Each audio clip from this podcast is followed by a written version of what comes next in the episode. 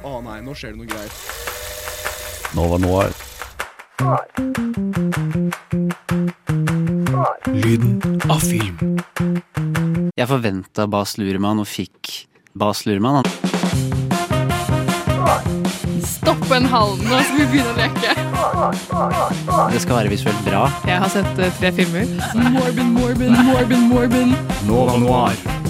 På Radio Nova. Sjangeroverskridende, du vet ikke helt. Postmodernistisk. Vi skal snakke om hvordan De bare satt og diskuterte. Da, da var jeg sånn ok, dette her var litt gøy, men dette er gammelt allerede. Eh, kommentarer på samfunnet og sett siden sist. Jeg har heller ikke sett Taxi Driver. Så Jeg har heller ikke sett Taxi Driver. Nova Noir. Hei, hei, hei, hei, og velkommen tilbake til Nova Noir. Uh. Det er kaldt ute, det er grått. Det er nemlig blitt høst. Endelig. Endelig, sier noen. Jeg føler høst er litt sånn den der tiden på året du må rettferdiggjøre at du liker. Veldig Jeg godt. trodde det før, men nå føler jeg at alle elsker høst. Okay, kanskje vi bare henger greia. med litt forskjellige folk. Det går bra. Uansett, jeg er i studio i dag med, som du hørte, Embla, Hei, hei. Hedda. Hei, hei. Og Hedda, hvem er det? En ny stemme. Det kommer vi tilbake til veldig veldig snart. Og Maria on the ones and motherfucking twos. Kan du gi litt lyd fra deg, du også? Hallo. Hallo. Så tilbake til denne eh, glitchen i Matrixen, holdt jeg på å si. Men vår nye eh, medlem Vårt nye medlem heter det på godt norsk. Hedda. Hei. Hei. Velkommen. Velkommen. Tusen takk. Eh, jeg tenkte kanskje vi kunne gå litt gjennom hvem du er, hva du heter. Det har vi gjort allerede, men eh, kanskje da hvor du er fra? Ja, nei, jeg er fra Oslo, eh, 23 år, og har en bachelor i film og TV. Oi, Wow. superrelevant. Ja, Skulle nesten tro at du visste om det før du eh, dukket opp her. en ekspert. Og du tenkte kanskje vi kunne ta de kanskje tre, to-tre eh, filmer du hater. Ja.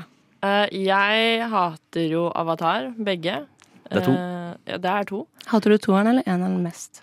Jeg vet du hva, jeg hater eneren mest. Ja. Eh, og så tror jeg at eh, bare hatet mitt fra eneren smittet over på toeren. Mm. Og så ble det kanskje et hakk verre fordi det var papyrus subtitles Mm. i gul. Var det det? Det var Hele filmen? Hele filmen. Eh, og det var liksom siste dråpa for meg, Ja. kjente jeg. Eh, og min tredje, og dette er litt upopulært, men jeg vil faktisk si Wolf of Wall Street. Oi! Det er ikke så upopulært. Eller, jeg er nøytral. Eh, jeg er nøytral, jeg også. Det Kan, det kanskje kan- det blir en annen sending? Ja, øy, øy, Kanskje det. Ja, ja, men nå som eh, Nå har vi satt stemningen. Det, er, eh, det regner ute. Eller det blåser i hvert fall. Og etterpå så lurer jeg kanskje litt på hva dere har sett siden sist. Din mest liksom film, din, din, din mest trailerstemmeaktige stemme. Sett siden sist. Sett siden sist. Sett siden sist! Sett siden sist. Ja, ja, ja, vi er fortsatt i studio, og det er fortsatt høst. Men Hedda, jeg lurer på hva du har sett siden sist. Nå er det, eh, Har ikke du vært her enn sist engang? Så Be dette blir på en måte bare Så jeg kan ramse opp alt jeg har sett noensinne. Eh, ja, begynn med første film du har sett noensinne. Nei, du får, du får velge deg et par eller én som du har sett siden la oss si to uker siden. Sett i det siste. I det siste. Ja, bra. Mm. Nei, jeg har sett uh, Fuckings Åmål. Ah, En skeiv eh, eh, svensk film fra 1998. Likte den veldig godt.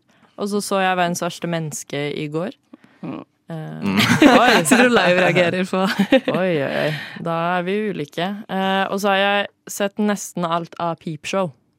Peepshow. Det har Ja. ikke jeg sett på er før. eh, en sånn veldig britisk serie hvor alt er skutt i sånn POV-shots. Oi.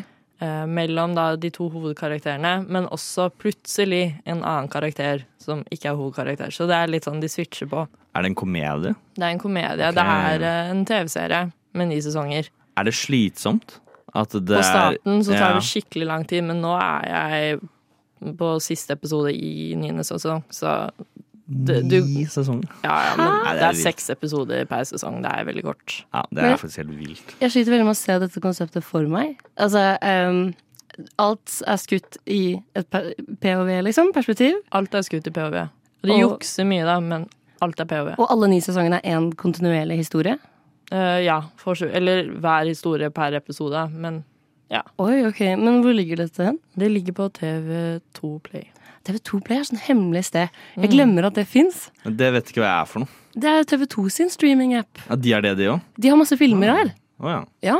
Hvor mye koster det? Sikkert altfor mye. Jeg bruker gamle romkameraten min sin. så Jeg vet bruker mammas. Ja. så egentlig burde hele eh, vår redaksjon ha én felles konto på alt. Eh, Vi får ta det opp på neste møte. Jeg skal ta det opp neste gang. Embla, hva har du sett siden sist? Det var det jeg drev og snekprøvde å gå inn på Letterbox nå, fordi jeg må se hva jeg, Jeg hva det jeg egentlig har sett siden sist. Jo, ehm, jo, for noen dager siden så, så jeg Lawrence Anyways. eh, som jeg vet er en veldig manges favorittfilm, og som jeg har fått anbefalt så lenge, men jeg har ikke turt fordi jeg har trodd at den er trist. Eh, og det er Xavier Dolan, som er sånn der kanadisk eh, Jeg tror han er kanadisk regissør. Han lagde sin første spillefilm da han var 19, og den her lagde han da han var sånn 22, og han blir kalt sånn derre Sånn Folk hater han fordi han var så på en måte kjempesvær i veldig ung alder. Sånn derre Wonderkid eller sånn. Er ikke det en greie? Altså, jo, sånn, det er jo en greie. ja, som, han er et boy genius, på en måte, da, så alle er helt sånn der wow. Um, så uh, har jeg sett den forrige filmen hans, um, 'Mathias og Maxim', og jeg elsket den. Og så var jeg, men den er, jeg var så lei meg lenge etterpå også, så jeg var sånn, ok, jeg er mentalt klar.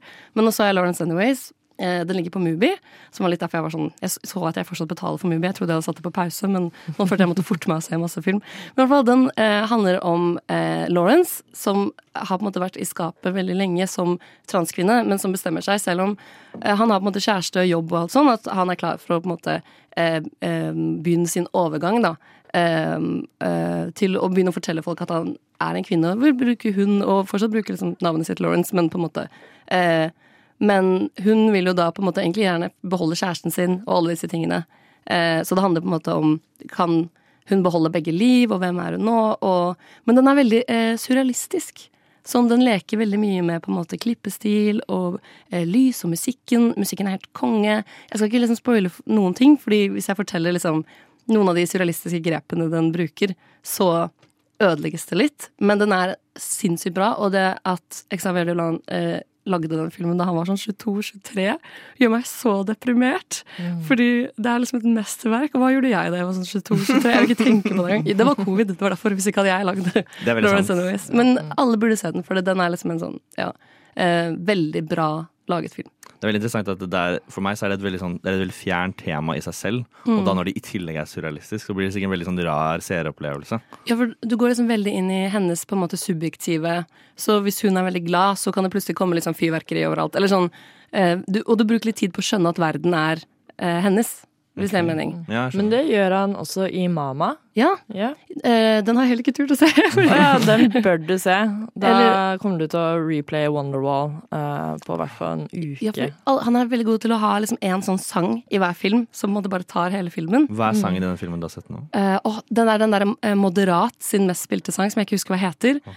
alle sammen går på. Spotify, søk Moderat og sett på den øverste sangen, og så bare kommer det til å komme skikkelig inn i viben. Ja, men ikke, ikke før stikket vårt er over. Vi Nei, nei, ok, så gjør det senere. Uansett, da. Hva har du sett siden sist, Johannes? Takk som spør. Ja. Jeg har vært på Cinemateket, eh, og jeg har sett en, en herre med bart. Oi! Som er en, eh, en film av Alfred Maurstad fra 1942, så det er en okkupasjonsfilm. Så den er lagd Ah. under okkupasjonen av Norge. Og det er en, det er en komedie. Hmm. Eh, og den er overraskende morsom.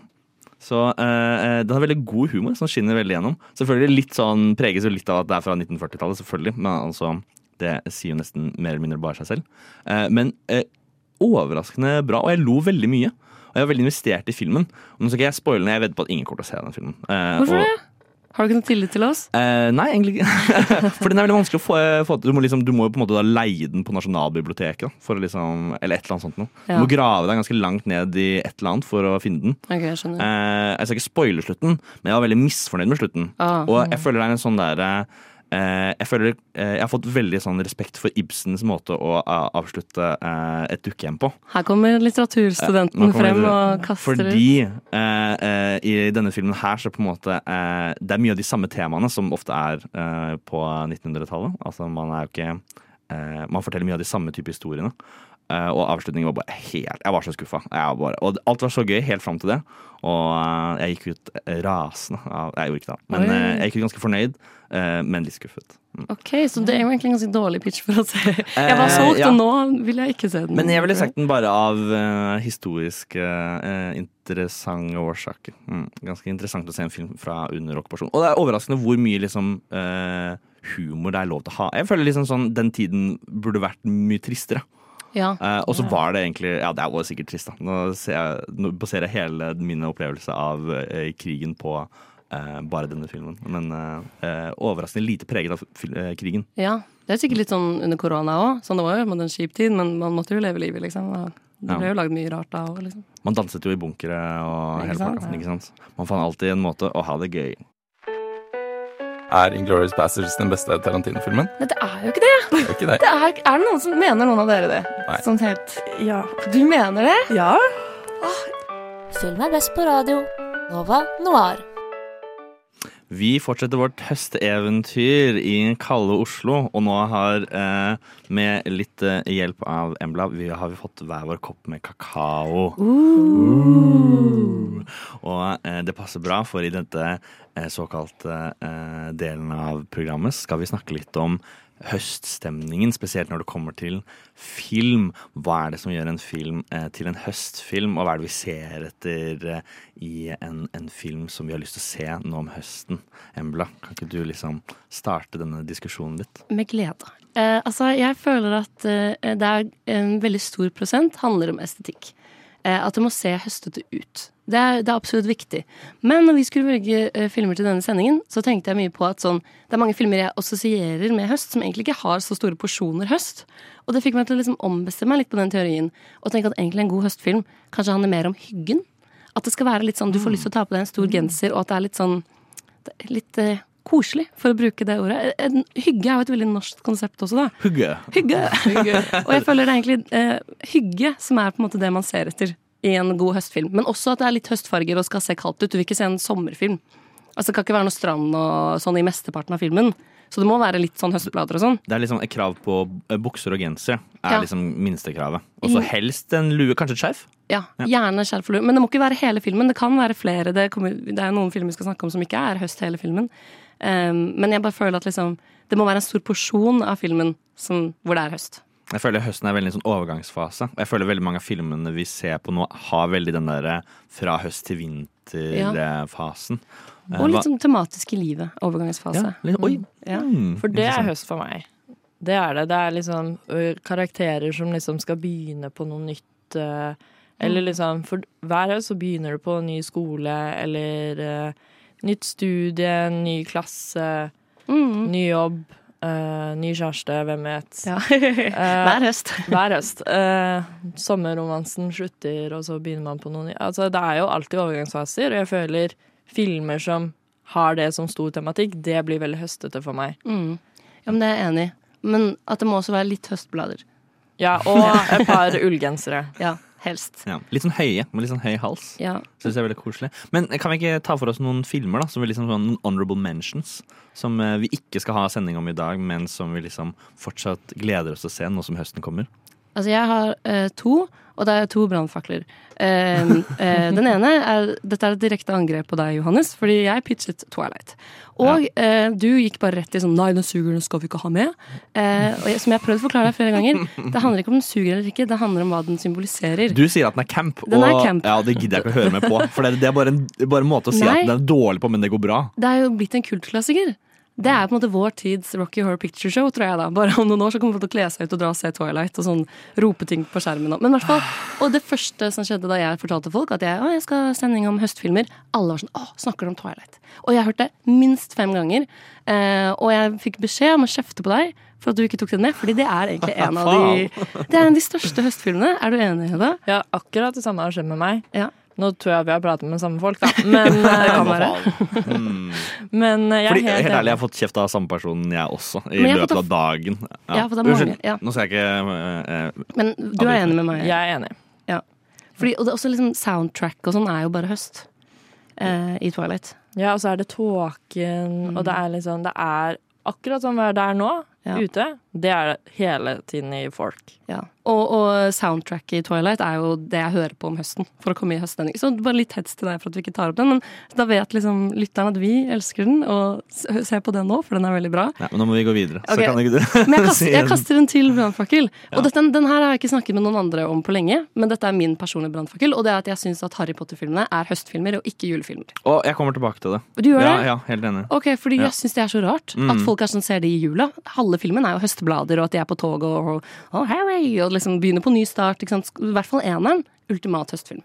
Ja, helt enig. Hedda, hva tenker du? Noen høstfilmer du har lyst til å poengtere? Jeg hadde også tenkt å si Twilight, men jeg vil si Knives Out. Oi! Ja. Mm, det Krim? er høst. Ja, helt enig. Krim. På ekte. Der er det løv uh, og ullgensere. Og det er jo uh, bare tåke og hele den pakka der. Og så vil jeg også si Lovlig blond. Oi, den husker jeg som veldig sånn sommer, men den er kanskje Nei, men hun begynner jo på nytt studie, og det er halloween-scenen, vet du. Det er sant, det. Det er eh, Eller nei, hun kler seg ut, i hvert fall. Ja. Jeg, jeg syns i hvert fall det kan være en litt sånn undervurdert høstfilm. Ja. Og så vil jeg si Thelma, den norske skrekkfilmen. Mm. Ja, for skrekkfilm er jo også selvfølgelig en, Ja. en stor porsjon av høstfilm, men det føler jeg er mer sånn senhøst. Ja, oktober. Ja, ikke sant, sånn, ja. Men øhm, øhm, ah, Jeg tenkte på en til, men nå forsvant den fra mitt, mitt minne. Jo, Amelie husket jo jeg som eh, en høstfilm, men så sa jo du, Hedda, at den er egentlig ikke så høst. Og den, noen kan man huske feil. For jeg husker den som at det er høst hele filmen, og at alt er sånne der blader som faller. Og, Det er sikkert lenge siden du har sett den, da. Ja, det er det sikkert Ja. ti år siden. Ja, fordi jeg føler sånn, Det er ofte med sånne filmer. Det, og den der Mikkel Rev også. Altså, jeg, trodde jo, jeg så det bare da jeg var liten, Ja. og så har jeg ikke sett den siden. Og jeg, jeg husket den veldig annerledes enn det jeg, jeg, jeg følte at den var nå. Ja, Så du husket ikke den som høst?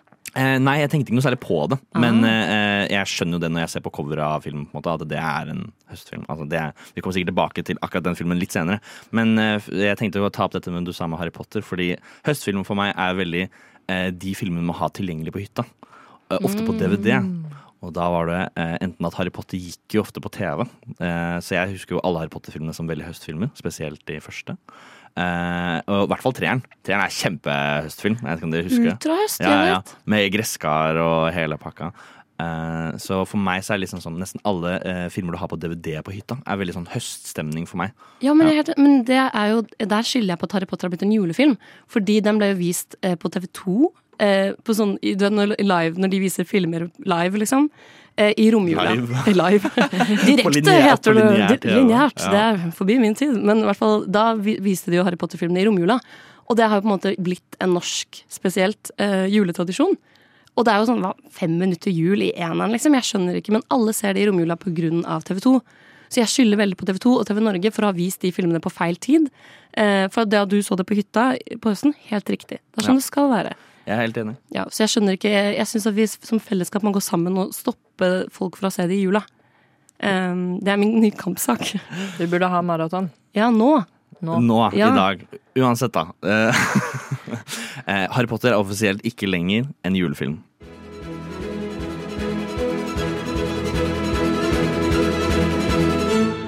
Radio Nova. Da skal vi til første høstfilm eh, i dagens sending. 'Fantastic Mr. Fox', eller som jeg liker å kalle den, 'Fantastiske Mikkel Rev'. Det er jo tross alt en norsk bok. Eh, og i denne filmen så finner vi George Clooney som eh, Mikkel Rev, Meryl, Meryl Streep som kona til Mikkel Rev. Eh, også Jason Schwartzman som sønnen. Bill Murray som eh, The Badger. Og jeg, vet ikke hva det er på norsk, dessverre, akkurat nå i dette øyeblikk. Gre- Grevling. Willem Defoe, Owen Wilson. Det er eh, typisk eh, eh, Wes Anderson-film eh, og Wes Anderson-film-cast. Det er en stop motion-film. Mange av dere så den kanskje når dere var små. Det var i hvert fall det jeg gjorde. Eh, vi møter i hvert fall Mikkel Rev, som med sine kleptomanske Holdt på å si eh, feil, hva skal man kalle det? Kleptomanske tendenser. Eh, får hele eh, skogen i trøbbel. And so it begins. This is Bogus, Bunce, and Bean, three of the meanest, nastiest, ugliest farmers in his valley. They're digging us out. I've got an idea. I can see in the dark. We can use that rabbit. I'm fast. Badger. Demolitions expert. What? Since when? Here, put these bandit hats on. I don't have a bandit hat, but I modified this tube sock. We look good. Yeah. You really are fantastic. I try. Så eh, ja, nå skal vi ta for oss eh, første film. Og eh, er det noen som har lyst til å begynne eh, om å forklare litt hva som kommer til tankene når vi tenker på at dette er en høstfilm? Hva er det vi liksom tenker på da? Den er jo oransje. Det er veldig oransje. Veldig oransje. Mm. Kanskje den mest oransje filmen som finnes. Okay. Uh, ja, jeg, nei, uh, ja. Jeg vil sette den på Jeg vil eh, nominere den da til Ja. den mest sånn uh, høstfargede filmen i verden. Eller den der Breaking Bad-filmen El Camino. Kanskje den også er eh, mest oransje filmen noensinne. Men det, det blir på en måte en annen type Det oransje. er en annen type oransje. Ja. Ikke den typen vi vil ha. Ikke revoransje, liksom. Nei. Nei. Eh, og i denne filmen så på en måte eh, Mikkel Rev eh, eh, Vi møter han når han er litt yngre. Eh, før han får vite at han skal få barn. Og da ser vi at han er en litt sånn vill eh, et vilt dyr som eh, liker å stjele og drepe høns. Eller hva var det? Litt sånn større høns. Fugl. de gjør et lite poeng ut av det. At det er, er fasaner, er det kanskje? Ja, jeg er ikke så Mm. god på dyr. Nei, ikke ærlig. Han er på en måte en bad boy, da. Han er en Altså, bad boy. Kort forklart. Mm, kort forklart, bad boy. Med det Hedda forklarte som kleptomanske tendenser. Eh, for jeg leser reviewen hennes på Letterbox. Oh, ja, så du tok den fra Jeg tok den fra Hedda. Ja, sånn for det var en bra oppsummering. Jeg kjente den igjen. Ja. Eh, Du kjente deg selv igjen, kanskje? Også, i, Du ble sitert til deg. Det er litt stas. Absolutt. Okay. Men ja, han, det begynner som en, en bad boy Det er egentlig en ganske klassisk historie. da Bad boy får familie, og så savner han eh, på en måte bad boy-liv. Mm, jeg føler det også passer litt George Clooney, det der å drive med heis og sånn. Jeg vet ikke om det er fordi jeg har sett for mye på Oceans-filmen. Uh, men, eh, det er hans karakter. Men det er Mm. veldig sånn egentlig en historie om en uh, midtlivskrise. Eh, en, og på en måte det å sette pris på livet du allerede har. Og, men så er det så gøy at de har tatt så voksen tematikk og puttet det i noe som mange tror er en barnefilm. Ja, fordi for meg så nå, når jeg ser på den nå, så føler jeg ikke at det var en barnefilm i det hele tatt. Men jeg husker at jeg så den når jeg var liten, og Mm. har jo ikke sett den siden. Og barn elsker den. Ja. Eh, sånn Jeg har vist den når jeg har vært barnevakt og sånn. De syns den er, for de syns jo det ser så kult ut, liksom. De digger den, og de syns det er så morsomt med disse finlandshettene de putter på. Jeg har merket liksom at barn eh, eh, resonnerer veldig med denne filmen, og så gjør vi det som voksne òg. Jeg syns kanskje derfor håndverket er så bra. Fordi den funker for alle. Jeg tror det er noe med denne stop motion, eh, eh, hva skal man kalle det, kunsten, Ja. som gjør at den er litt sånn tidløs. Med at eh, alt er veldig stilistisk, og ikke alt Hva skal man kalle det? Det blir mer stilistisk enn begrensende. For det er jo mye som ser veldig tullete ut. Men det blir liksom i god stil pga. at det er stop motion og det er ekte dukker, eh, enn om det skulle vært animert. Eh, hvor på en måte ting blir veldig gammelt veldig fort. Ja. Og så hjelper det jo at det er Wes Anderson også, som er god på at ting skal være litt rart og stilistisk, men får det til å funke. På en Ja. måte. Han burde lage flere stop motion-filmer. Han har jo den Isle of Dogs også. Ja, Vi har hatt om den tidligere sending, faktisk. Ja, Utrolig. Jeg liker den veldig godt, faktisk. Ja, men den er ikke, jeg syns den her har liksom en ekstra lag med sjarm. Som Jeg liker denne best, da. Uh, og jeg liker kanskje stop motion-verdenen hans bedre her. Men jeg- etter jeg så filmen igjen nå, så drev jeg og googlet sånn Jeg ville se sånn behind the scenes-bilder og sånn, for jeg lurer på hvordan har de fått til det? Altså, det er så fantastisk håndverk. Hvordan har de Altså, jeg skjønner at de flytter litt på en dukke og så tar bilder, liksom, men jeg hadde vel lyst til å se på en måte mer av prosessen. Det virker så sjukt liksom, å jobbe med stop motion. Det virker, eh, det virker utrolig slitsomt, i hvert fall. Og så føler jeg sånn, Hva er en regissørs rolle i en stop motion-film? Det er veldig sånn rart å liksom stå der og være regissør mens hvert bilde blir tatt. Jeg bare ser det for meg som litt sånn spesielt. Jeg føler Wes Anderson liksom med hans karakter Kanskje det er han som flytter på dukkene. Sånn, mm, men den er veldig sånn um, når du, På høstspekteret, da, så føler jeg at den også er veldig eh, cozy. Eller hygge, da, Mm. for å bruke det ordet. At um, til og med på en måte det de eh, stjeler i disse heisene, er jo høstete. De stjeler sånn eplesider og kalkun. Og Ja, liksom, sant. alle detaljer i denne filmen er høst. Um, alle går kledd i høstete ting. De er liksom inne og uh, setter fyr i peisen. Og liksom, det er ikke noe i denne uh, filmen som på en måte ikke passer inn i høstskalaen. Og det er derfor jeg føler at denne filmen blir den ultimate høstfilmen. da. At det nesten Det er ikke noe i den som ikke er høst. Ja, det er veldig sant. Og eh, de bor til og med tre. Ja. Så det er liksom sånn, ja. Med gule blader. Med gule blader. blader. er et eiketre, er det ikke det? Jo, ja, kanskje det. Jeg syns det er veldig morsomt disse scenene med uh, uh, hvor de liksom de oppfører seg veldig som vanlige mennesker. Med at de er på liksom visning på et hus, men så setter de seg ned for å spise, og så blir de sånn helt groteske med en gang. Og så Ja. er liksom sånn, De hinter alltid tilbake til at de er dyr, som på en måte er et veldig sånn sentralt tema i denne uh, filmen. At de på en måte er, det er noe dyrisk i de som får dem til å vike vekk fra dette vanlige familielivet. Ja, for det sier de ganske mange ganger sånn Vi er jo bare wild animals. Mm. Men da tenkte jeg sånn Jeg prøvde liksom å koble det opp med sånn hva Wes Anderson prøver å si. Eller sånn eh, Mener han at vi mennesker også er det, på en måte? At vi har disse instinktene vi ikke kan eh, komme ut av.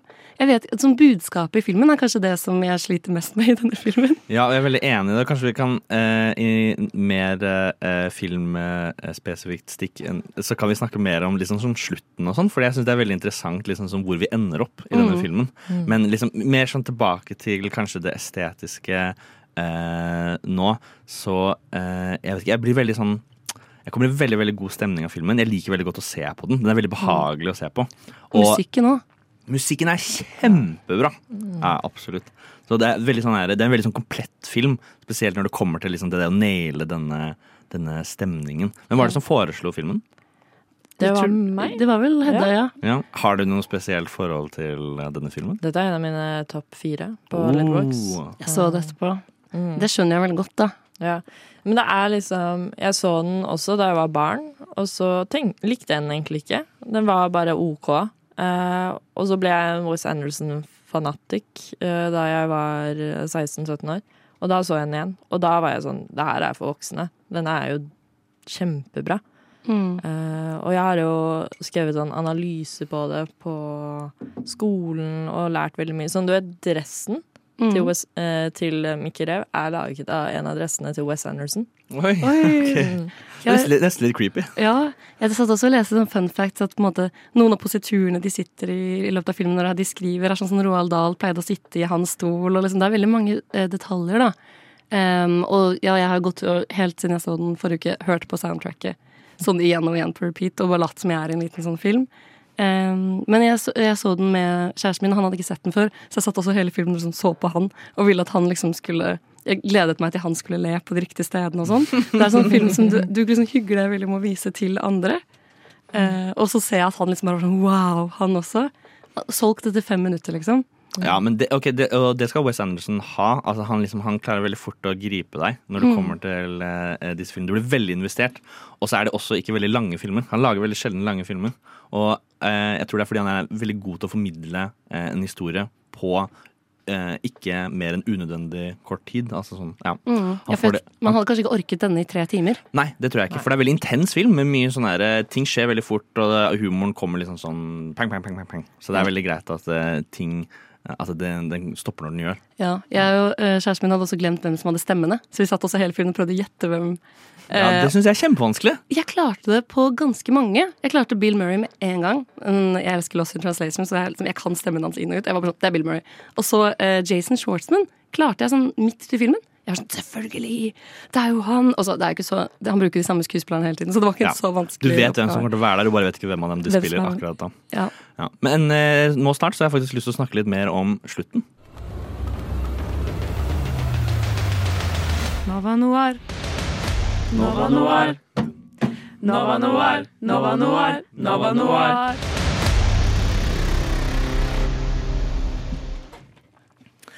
Ja, ja, ja, velkommen tilba tilbake til eh, Mikkel Rev. Eh, og jeg tenkte kanskje vi skulle snakke litt om sånn her handlingsforløpet. Handlingsløpet, hva kaller man det? Handlingsforløpet, handlingsløpet. Det er ikke så viktig, dere skjønner hva jeg mener. Eh, og vi starter jo eh, for mange år siden når Mikkel Rev blir fortalt at han skal bli pappa. Skal bli papparev. Og eh, han gir fra seg Han gir opp dette, dette livet han elsker så mye. Denne, dette livet liksom som fare og spenning hvor han stjeler fasaner. Eh, og lever av det. Og så blir han eh, hva var det, newspaperman. At han skriver en spalte i en lokalavis. Som ingen leser. Som ingen, ja, mer eller mindre ingen Noen leser. leser. Ja. Noen leser det helt sikkert, men jeg tror poenget som blir gjort i filmen, er at det er liksom sånn de, Folk sier mer at de, 'å, det burde jeg lest', enn at de faktisk gjør det. Mm. Så han får en liten sånn eksistensiell krise som han ender opp med å gå gjennom. Og så føler man sønnen hans, da. Det har vi glemt å nevne, Ja. for så vidt. At han er jo også en ganske stor karakter. Veldig. Eh, hva heter han da? Æsj. Æsj. Det er så bra sønnenavn. for. Mm. Som er sånn der, prøver å få oppmerksomhet av faren sin. Han har lyst til å være som faren sin, og så er han ikke så lik eh, faren. Og faren har ikke noe mot det, men uh, sønnen Jeg merker at det, det terger litt på han. Og kanskje vi, vi som er uh, barn av fedre, kan kjenne litt på den følelsen av å ikke strekke helt til. Og så er det noe med at fetteren skal komme og bo med dem. Ja. Og faren, altså Mr. Fox, bare hyller denne fetteren. Som jeg heller ikke husker hva heter, men som også er et bra Ja, det husker ikke jeg heller. Nei. Sjekker. Han er kanskje ikke så Men den fetterkarakteren og sønnekarakteren, altså Ash og uh, mystisk fetter med navn vi ikke husker, er jo to helt fantastiske, uh, fantastisk skrevet karakterer, fordi de er så lite med, men de er så effektfulle. Sånn, Jeg blir veldig veldig investert i deres historie. Og liksom de få gangene vi får være på high school, liksom, sånn uh, dyre high school, og se hvordan de lever. Jeg synes det, er, det er egentlig mine favorittdeler av filmen. Um, å se dem spille sport og liksom være i kjemitimen. Og, liksom, det blir så holdsom hele greia, og jeg bare eh, Med liksom tre scener med de barna, så er du inne i deres verden og følger deres løp. da. Eh, og jeg føler filmen hadde ikke vært det samme uten.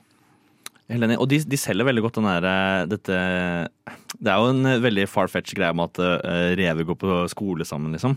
Men jeg føler de selger det veldig bra. Altså, sånn, jeg, veldig, jeg, aksepterer verden de er i, veldig fort.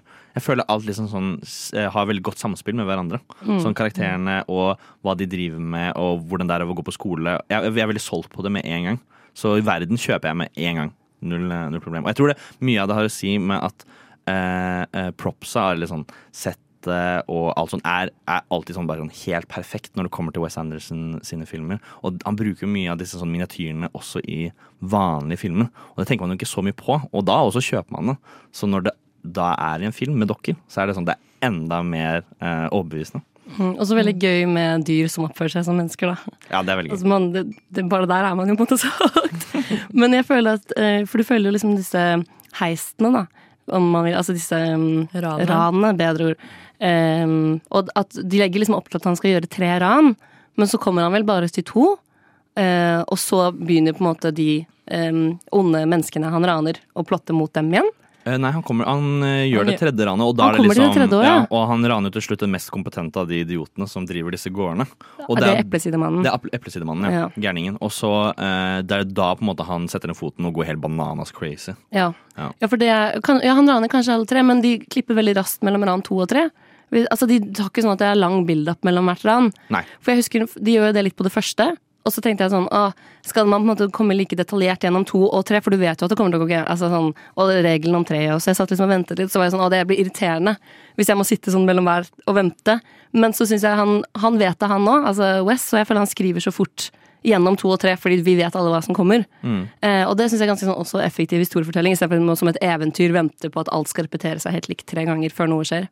Ja, fordi vi, vi, vi, skjønner hva som repeteres, og det trenger ikke å vises to ganger til. Nei. Altså sånn, Vi vet at det er sånn det er å lede opp til det, og så da bare hopper han inn i han, han, han bygger det opp én gang, og så fullfører han det to ganger til etter ja. det. Og det er veldig sånn klassisk historiefortelling. da Sånn, skal gjøre det tre ganger, mm -hmm. og alle sier sånn 'ikke gjør det', og du vet jo på en måte eh, Og det kan jo bli litt kjedelig, um, så jeg syns han liksom løser det veldig kult. Men liker eh, Fordi filmen skifter jo på midten, på en måte. Etter at um, etter at de menneskene begynner å gå imot um, dyrene, da, så føler jeg egentlig hele filmen skifter veldig stemning. Og jeg liker ikke del to like godt. Eh, da må de på en måte leve under bakken, og de er i sånn rør, og det tar bort litt av hele den hyggen i starten som jeg liker veldig godt. Og blir litt sånn, ja, som vi snakket om, hva er egentlig budskapet, og det roter seg liksom litt bort. Eh, har dere på en måte samme, den samme følelsen? Ja, for så vidt. Men det, det jeg syns er sykt bra da, med denne filmen, er jo at jeg føler ikke at det er så stor forskjell mellom uh, dyrekarakterene og menneskekarakterene. Uh, jeg syns de oppfører seg veldig like. Mm. Så, og han ene av de tre bondene blir jo gæren, og han blir jo nesten et villdyr, han også. Han tar jo Men han har jo alt av ressurser av helikopter og driver liksom og river ned og prøver å grave ut disse dyrene med å ødelegge hele skogen. Men det mister jo veldig mye stemning. Det gjør den. Og da er den ikke like sånn koselig og fin å se på, og det kommer jo til en sånn del hvor de skal stjele igjen. Eller de skal jo eh, redde denne fetteren, men også stjele tilbake halen til eh, ja. eh, Mr. Fox. Mr. Fox, Ja. Mickey Rev. Eh, som, som han ene bruker som et slips. Veldig bra detaljer. Veldig god detaljer. Mm, og det er veldig gøy, for han sier jo sånn her, han bruker det sikkert som et slips. Og, herregud, slapp av. Altså, han trenger ikke være så eh, paranoid. Ja, og så gjør han det på TV. Det er veldig gøy at det dekkes også på TV. da Dette greiene altså, det er sånn, En rev har liksom rana en gård, og så dekkes det noe på nasjonal TV. Veldig enig. Men der jeg kanskje faller litt av historien, er jo ok, vi skjønner at det går gærent. Alle dyrene de begynner å rive alt, så dyrene må gjemme seg under bakken. Lage sitt eget samfunn. Og så er det sånn, hva skal vi gjøre nå? Dette er en krise. Og så eh, skjønner jeg at de, det ikke er en god plan, men de bare raner enda mer, og raner alt som er igjen. Og så har de kjempefest. Det er sånn, nå har vi vunnet. Og da, der begynner jeg å falle av logikken. Fordi de har, må jo fortsatt bo under sånn, Derfor jeg ikke liker slutten så godt, og ikke helt skjønner budskapet, er at jeg føler at ting bare begynner å rakne litt sånn tematisk. Og så syns jeg ok, det går gærent igjen, da. og så skal de på en måte fikse det igjen. At de blir liksom, det går gærent, de skal fikse det går gærent, de skal fikse det. Mange ganger uten at jeg egentlig følger den logiske tråden i hva mesterplanen er. Og når hele filmen er sånn øh, Dette blir på en måte en spoiler, da, men den slutter jo med at de fortsatt må bo under bakken. Så ingenting er egentlig løst fra midtpunktet av filmen til slutten. Nei, Selv om de mm. virker som det er en løsning. Ja, Måten det løses på, er at de finner et eh, supermarked som stenger tidlig på i helger, så de kan rane. For Også, å kunne fortsette å bo da under bakken. Ja, Og så bor alle i kloakksystemet under bakken. Det er jo drittrist slutt. Ja, fordi det er på en måte det jeg også eh, tar vekk fra denne filmen her sånn helt til slutt, er at jeg syns ikke slutten er noe koselig i det hele tatt. Nei! Jeg også det er så rart at alle bare godkjenner at Mikkel Rev er verdens mest sånn der, eh, narsissistisk eh, gærning. Altså, han er en kjempe Jeg tror det kommer litt fram også at han er en veldig god leder. Han er veldig flink til å organisere folk, han tar liksom styring, og det er eh, bra vel, men han er også eh, en som setter sine egne behov foran alle andres sine alltid.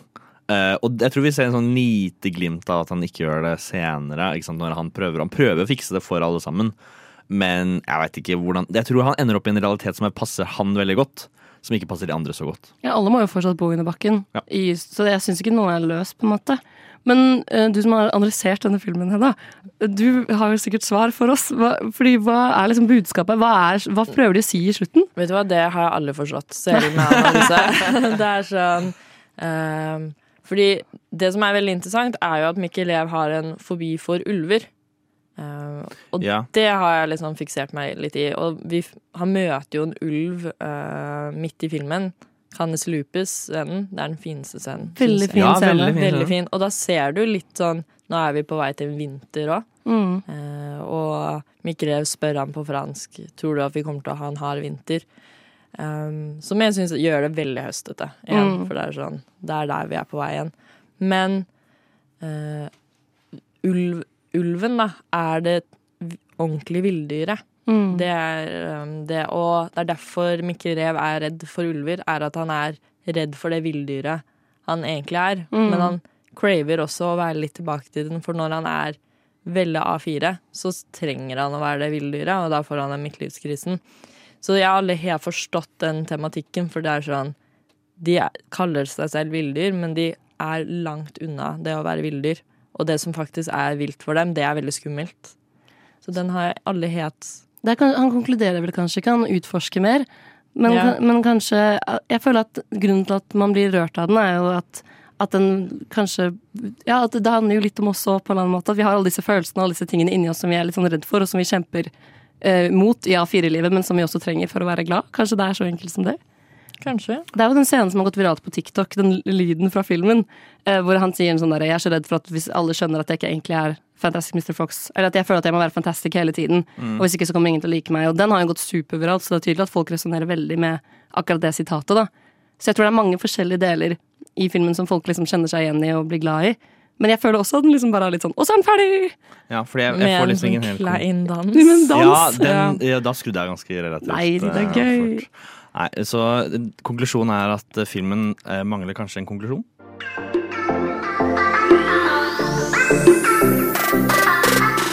Lytter til Nova Noir her på Radio Nova.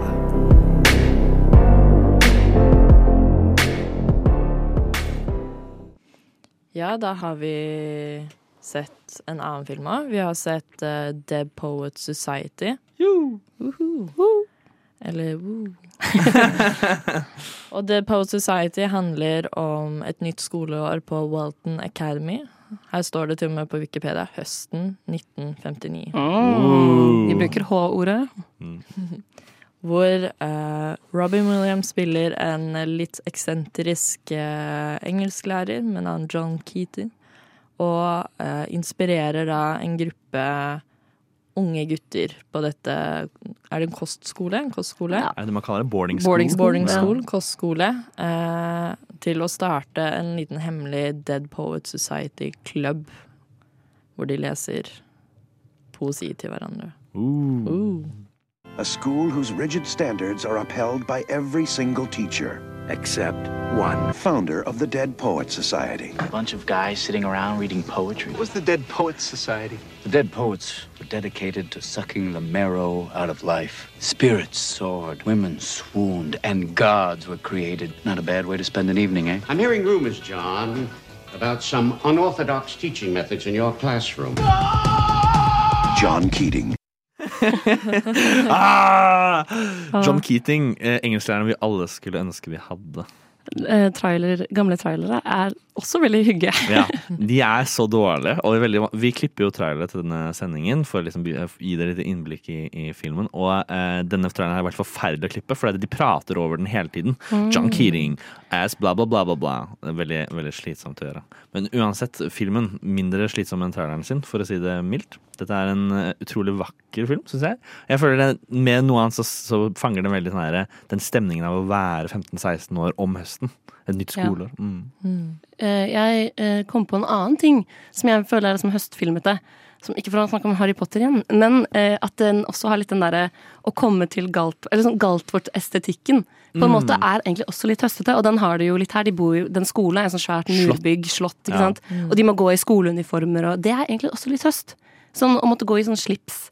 Og på en måte ha en sånn bok i lomma over en sånn frakk og et lite skjerf. Og det liksom blåser, og du er på en måte eh, ja, litt sånn Litt sånn skotsk eh, eh, slott.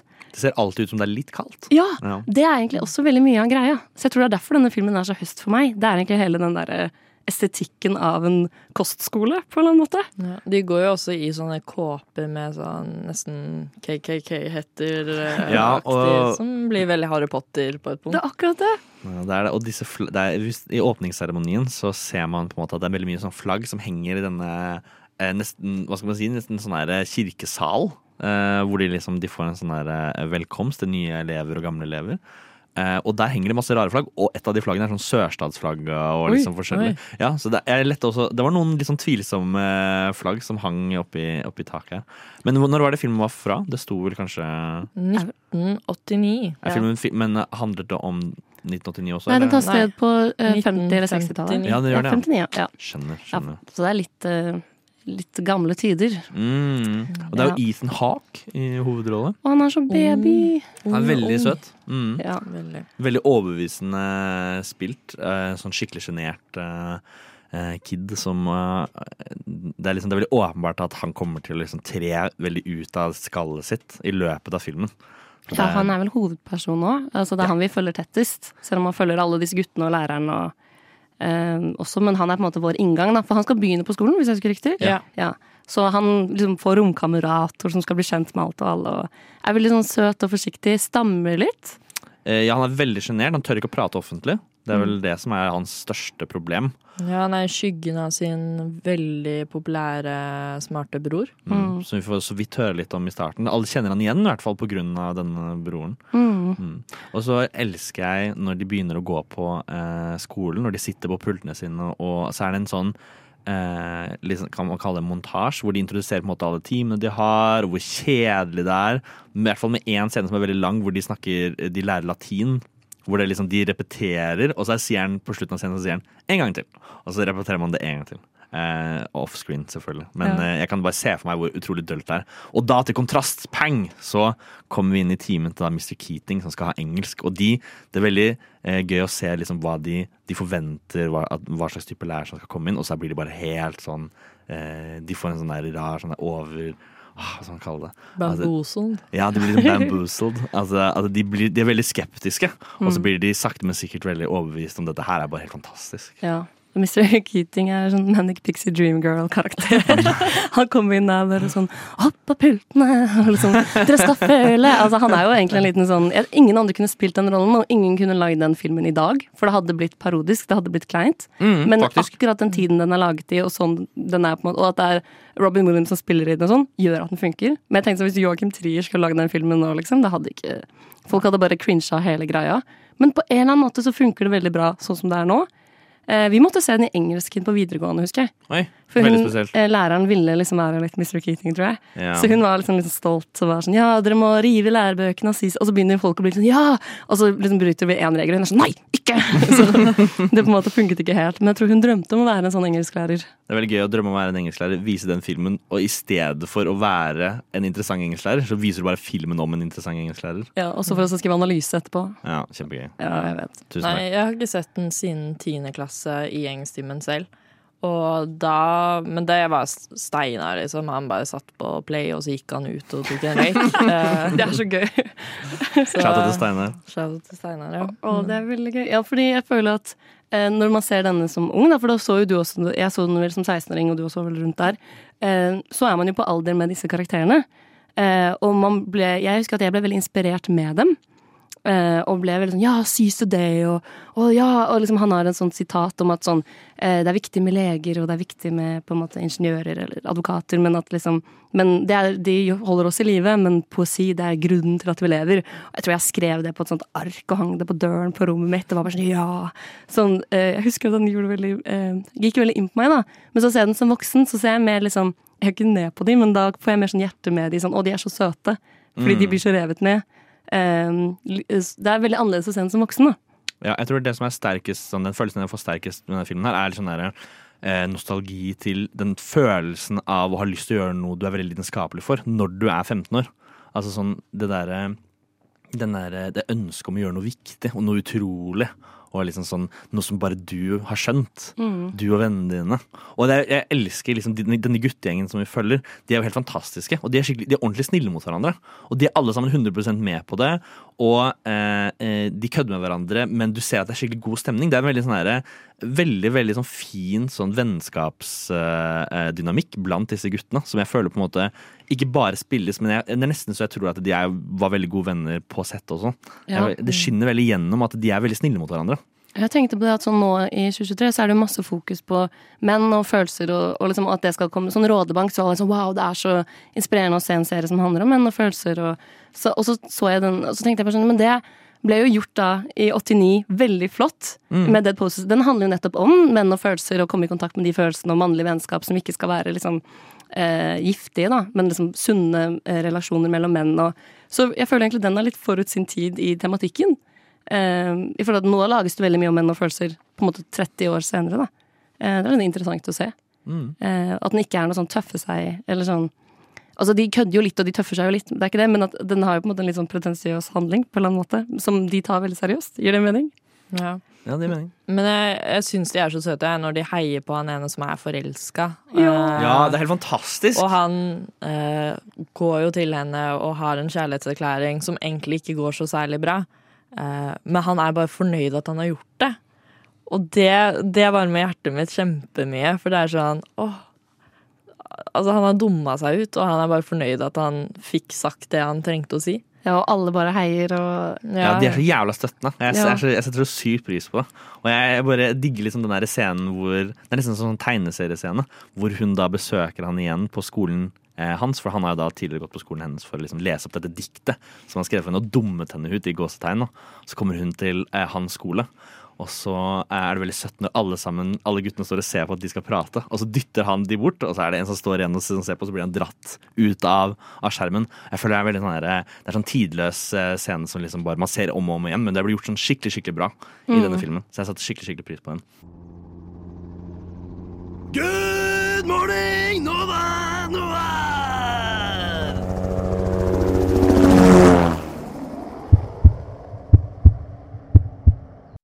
Velkommen tilbake. Det er fortsatt høst, og vi snakker fortsatt om Dead Poet Society.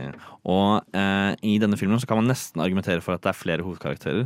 Og en av de mer sentrale karakterene er da Hva var det han het for noe? Neil Perry. Neil Perry. Og eh, Neil Perry har en veldig, veldig streng eh, far som eh, av mangel på egne muligheter som barn prosjekterer veldig mye av sine ønsker om hva sønnen skal gjøre, på han, og tvinger han da til å gå på, for det første på denne skolen.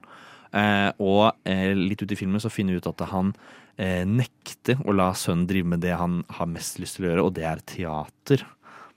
Han skal studere medisin på Harvard. Det er liksom sånn plan som har blitt lagt uh, for han. Uh, men i løpet av filmen så finner eh, Med hjelp av da den Mr. Keating, liksom som denne inspirasjonen som han får av han, så finner han da eh, eh, kjærlighet for teater og eh, ender opp med å lande en hovedrolle i et eh, lokalt eh, eh, teaterstykke.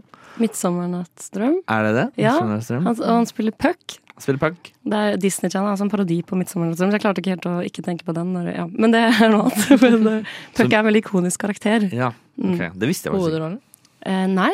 Eller en av de, på en måte. Ja. 'Midtsommer's Drøm' har jo mange hoderoller, for så vidt. Ah. Men, um, men jeg, eh, i scenen eh, som han spiller Puck, for vi får jo se han egentlig være på det teatret ganske lenge. Og um, han, skuespilleren har blitt veldig hyllet for å spille en person som ikke er så god til å spille teater som spiller en monolog. Ja, Det tenkte jeg på når jeg så det. Er at Her må han faktisk late som han ikke er så god til å spille skuespill for å være troverdig i at han spiller skuespill. Ja, Ja. Men også vise at engasjement altså Det er kjempevanskelig, for han skal vise at han elsker det, men at han kanskje ikke nødvendigvis er så god Mm. eh, i en monolog. Det er ganske imponerende. Hvis ikke så han, kanskje han bare ikke er så flink. Men jo, han er jo flink i resten av filmen. Så. Han er kjempeflink i resten Ja. av filmen. Men dette er jo en skuespiller som ikke har funnet så mye eh, suksess senere, kanskje. Han har spilt, han har spilt mye teater, tror jeg. Men han Ja. har også spilt i House. Det er Ja. jo den, Ja. store rollen han har gjort etterpå. Mm. Det er der jeg har han fra! Ja, han spiller denne, denne bestevennen til House gjennom sånn åtte sesonger eller syv sesonger. etter Et eller annet sånt. Ja, for dette er også skuespilleren Robert Sean. Mm, Robert men Sean at han har drevet mye med teater. Han har spilt i teater sammen med Timothy Shalmer, faktisk. Mm, de har hatt et stykke sammen. Jeg husker ikke hva det heter for noe, så jeg har ikke kålt meg på det altfor mye. Jeg tror han har Eh, også vært med i sånn CSI Miami. helt sikkert. Alle har vært med i CSI CSI. Ja. Jeg har vært med i CSI. Miami. Men Neil er jo en veldig sympatisk karakter, da. Mm. Altså, du heier jo veldig på han når han er på dette teateret, og du ser at han har så mye lidenskap, og har endelig funnet ut hvem han er. Ehm, jeg blir i hvert fall veldig rørt. Jeg har også blir veldig rørt. Jeg tror jeg, eh, han har hatt veldig Det virker som at gjennom eh, filmen så blir det liksom formidlet til oss at han har hatt veldig mye behov for å uttrykke seg selv veldig mye. Og for veldig lite eh, rom til å uttrykke seg eh, overfor sine foreldre. Hvor han blir, han blir veldig fort sånn eh, skjøtta ned når han prøver å fortelle noe som helst om interessene sine. Eh, som nå endelig får lov til å liksom, uttrykke seg såpass mye eh, gjennom eh, det å lese opp dikt, som de, de skal lage denne Dead Poet Society-gjengen, hvor de går ut i skogen eh, og leser opp dikt for hverandre. Og du kan liksom se lidenskapen i øynene hans, og at han koser seg veldig når han, når han leser opp disse diktene som han er veldig eh, opptatt av. Eh, og enda mer koselig syns jeg det er er hvordan disse vennene støtter han. Og alle ender jo opp med å dukke opp på dette teaterstykket. Og, de, og de liksom, du kan se liksom at han en, med en gang han ser eh, kompisen sin på scenen, så har han lyst til å reise seg opp og begynne å klappe. Ja. Men så blir han dratt ned igjen. Og det er, liksom, det er, sånn, det er så sjukt utrolig Det er så veldig veldig koselig koselig stemning. Ja. Uh, og jeg er veldig glad for at jeg på en måte resonerer litt med det, og med min, min guttevenngjeng. At vi liksom er, er sånn for hverandre. da Mm. Eh, Så det setter jeg veldig pris på. Det er en veldig sånn kjærlig skildring av Mm. mannlig vennskap, som vi snakket om. Men Veldig. så tar jo filmen en veldig vending etter dette punktet, da, som vi snakker om. Eh, og på en måte egentlig, og så blir det jo også vinter. Så jeg vil jo si at det er her på en måte høststemningen forsvinner, da. Og hyggen også forsvinner. Og så blir det en ganske mye mørkere film etter dette. Jeg vet ikke om vi skal si hva som skjer. Uh, jeg tror nesten vi bare må gjøre det. Mm. Uh, fordi det er på en måte veldig sentralt i det vi skal snakke om. Det er jo for resten av filmen også. Og det er at Neil uh, får beskjed om at han, han blir tatt ut av skolen, som han har alle vennene sine på. Og han får ikke lov til å drive med teater lenger. Eh, Og han må gå på medisin, eh, så det er ti år til, da, som han sier. Og han omtaler det som en fengselsstraff, som på mange måter det er. Han Eh, skal også på militær... eh, Militær- det var det, det, Ja. ja. ja. Riktig. Mm. Og han ender opp med å skyte seg selv i, Mm. eh, på natten. Samme natt. Ja. Og så føler man jo at alle vennene får vite dette. Mm. Og, og det er jo utrolig trist. Og det er, men også på en måte fordi som voksen når du ser det, så ser du Neil, og så tenker du sånn Hvis du bare hadde på en måte du, hadde, du kunne aldri møtt faren din igjen. Altså sånn, du skulle ønske at du kunne liksom, at han hadde hatt en samtale med læreren Mr. Keating, eller noen på en måte som kunne gitt han det lille håpet at sånn du lever ditt liv, og du, hvis du bare Ok, du er snart 18 om to år, på en måte. Du, du bare holder ut på en eller annen måte. Og det er så trist fordi håpløsheten hans får han til å gjøre det. Men det kunne så lett vært unngått hvis bare én person hadde sett han i det øyeblikket. da. Man mangler veldig perspektiv Mhm. som 16-åring. Akkurat det. Eh, og akkurat der og da så føles det ut som kanskje verden bare har gått under, så det er like greit å bare avslutte alt. Ja. Det, ja, så det er jo en utrolig sånn trist ting, og det er jo eh, eh, Det er veldig sånn ambivalente følelser i dette punktet i filmen, hvor eh, da eh, denne romkameraten til Neil, hva var det han het igjen, han Ethan Eh, Hawke-karakteren? Todd Anderson. Du får beskjed om at eh, han er død, og så går alle i vennegjengen ut og ser på snøen falle. Det er, liksom sånn, det er, ikke, det er ikke årets første snøfall, men det er veldig veldig vakkert. Og så sier han liksom det, da. Herregud, så vakkert det er. Mm. Og så er det liksom sånn, også sånn supertrist med at de akkurat har mistet sin beste venn. Så det er veldig sånn, det, Den vakreste og fineste dagen i året blir liksom også den verste. Mm. Ja. Spesielt for Todd, da, som er veldig sjenert og sånt. Mm. Og så har jo Neil vært en som har på en måte løftet han opp og Mm. støttet han, og til og med vært litt sånn kastet og sånn skrivebordsett eh, som Ja, har som han har fra fått fra foreldrene andre år på rad. For det, åpenbart så bryr de seg ikke så mye. At de er veldig det er veldig stor avstand da, fra alle foreldre til alle disse guttene, egentlig. Det er jo bare sendt bort på en eller annen måte. Mm. Ja, så det en veldig på en måte, mørk vending i filmen, da. Og så går det jo på en måte ikke så bra med læreren, Mr. Keating heller, og alt går jo på en måte litt nedover fra dette punktet og ut. Ja, og du, du tror at eh, foreldrene skal reagere på en måte. At det er sånn Oi, shit, hva er det jeg har gjort? Jeg har drovet gutten min til liksom å ta sitt eget liv. Men de reagerer på helt feil måte. Og i stedet for å ta ansvar for det som har skjedd, så starter de en heksejakt mot en av lærerne som de ikke liker. Og det er da Mr. Keating. Og så, så filmen tar ikke bare en sånn trist vending, men eh, jeg føler ingen lærer den leksa som de skal. Mm. Eh, og det er veldig trist. Bortsett fra når jeg så den igjen nå, så så jeg liksom én ting, og det var en av disse lærerne som kritiserte Mr. Keating veldig i starten. Mm. Han blir sett gående ute i stedet for å være i klasserommet. Dette er samme person som lærer latin i starten. Ja. Og han da er ute og går, og da istedenfor å ha denne kjedelige timen sin inne, så har han den ute og peker på ting, og så går de gjennom hva tingene heter på latin. Ja. Og det var liksom, og så ser han, ja, og så ser han opp mot, mot, uh, uh, mot vinduet hvor Mr. Keating står, og så Mm. gir de hverandre litt sånn anerkjennende blikk. Det syns jeg, jeg jeg var skikkelig vakkert. Alle guttene har jo åpenbart eh, lært noe også. Eh, med Oh Captain My Captain og um, Ja. Jeg føler alle må bare se denne filmen, fordi det er en veldig viktig referanse å ta. Ja, veldig. Jeg føler at jeg har liksom noen, flere ganger sagt sånn ah, du vet Oh Captain My Captain, og så er det sånn folk sånn hæ, hva mener du? Det er, sånn, det er en av de man må uh, og hvis man har sett Community, så er det en helt fantastisk parodi på Dead Poet Society. Som er sånn, Jeg har så mange venner som er fan av Community, og som jeg liksom ikke har sett ennå. Så er jeg sånn, da, da gir jo ikke den episoden mening. Den episoden er jo bare morsom hvis du har sett Dead Poet Society. Altså Det er, det er referanser overalt, da. Så jeg føler dette er en klassiker som alle bør se, og da er jo tiden for å se den nå. Og jeg syns at eh, den eh, er veldig smakfull når det kommer i eh, sitering av poesi. At den er veldig sånn Den gjør det ikke på de, Det blir ikke cheesy. Det blir bare det, pass, det er bare passende. Men det hadde vært cheesy hvis det ble lagd i dag. Så Ja, det er også det der tid, at det er en gammel film som gjør at det funker. Og hvis det også var en guttegjeng nå som har sånn, lagde en kun for gutter-klubb, og skulle ut i skogen og sitere Hvis det var noen venner av meg, og de var sånn nei, det er kun for gutta, vi skal bare ut i skogen og lese litt poesi. Jeg tror jeg hadde liksom ikke likt de gutta på en eller annen måte. Eh, Jeg føler at sånn, hvis det hadde blitt gjort nå, så hadde det blitt rart. Ja, nei, Det var nok eh, perfekt for sin tid, og den kom liksom på riktig tidspunkt med, med riktige skuespillere. Nova Noir. Nova Noir. Nova Noir. What the fuck? Nova Noir. Vi sitter her hver torsdag fra 10 til 12. Hei, hei. Vi hører, eh, vi hører ikke, vi snakker fremdeles om høstfilmer. eh, Og vi har kommet til den tredje høstfilmen som jeg har fått æren av å introdusere. Og det er selvfølgelig When Harry Met Sally. Alle har sikkert sittet og ventet på den, fordi det er jo kanskje en av de beste. Em, kort fortalt så handler denne filmen om eh, Harry og Sally som møtes i 1977 eh, og skal eh, kjøre bil sammen til New York. Eh, dette møtet går ikke spesielt bra, de hater hverandre. Eh, så er det bare bom, fem år senere. Vi følger dem igjen. Denne gangen deler de et fly. Um, altså De sitter ved siden av hverandre på et fly. De eier det ikke. Ja. Og så går ikke det så bra heller.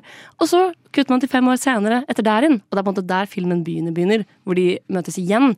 Og denne gangen blir venner. Eh, og så følger man det vennskapet og hvordan det utvikler seg. Og det er egentlig bare mange samtaler om livet, om dating og hva det vil si å bo i New York og være ung og prøve å finne ut av ting. Because no man can be friends with a woman that he finds attractive. He always wants to have sex with her. You tell her about other women. Yeah. Like the other night. I made love to this woman, and it was so incredible. I took her to a place that wasn't human. She actually meowed. You made a woman meow? I need to talk. What happened? What's the matter? Harry came over last night. I went over to Sally's last night. because I was upset that Joe was getting And married. one thing led to another. And before I knew it, we were kissing, to make a and long story short, we did it. They dated. And I'm gonna be forty When? someday. In eight years. Ja, ja, ja. Denne traileren spoiler på en måte en av de litt mer sånn eh, sentrale tingene. Og det er at til slutt, eller sånn mot slutten, så ender de opp med å eh, finne hverandre. Eh, Ligge sammen, i hvert fall. Ja, ligge sammen i hvert fall. I hvert fall det. Ja. Men før det så skjer det veldig mye interessant. Og et av de viktige spørsmålene som de tar opp veldig med en gang, som liksom er den første debatten mellom Harry og Sally, er om gutter og jenter kan være venner eller ikke. Og jeg syns det, det er litt sånn interessant. Og det er jo som man fortsatt kan liksom snakke litt om i dag. Da. Det der om det er gutter og jenter kan være venner, eh, og hvordan den dynamikken på en måte fungerer. Og det utforskes jo veldig, veldig mye i denne filmen. Men hva tror dere? Kan gutter og jenter være venner? Ja. Eller kan Sally og Harry være venner? Nei. De kan ikke være venner, men gutter og jenter kan være venner. Men de kan ikke være venner fordi de åpenbar eh, De har seksuell tension Mhm. fra første sekund. Og da går det ikke, på en måte. De flørter jo. Sånn, og da, da kan de ikke bare de være venner, Fordi de er jo forelsket i hverandre. på en måte Så jeg føler at de blir liksom unntaket. Men gutter og jenter kan være venner generelt. Er dere ikke enig? Jo, i hvert fall- Johannes tror ikke det. Ja, i hvert fall i tolv år, da. Før man Ja. ligger sånn. Ikke sant? Det er jo relativt dritlenge. Tolv Tolv år. Eh, jeg veit ikke. Jeg føler litt sånn som de forklarer Jeg føler vi må sette litt sånn eh, en standard på hva slags type venn man snakker om.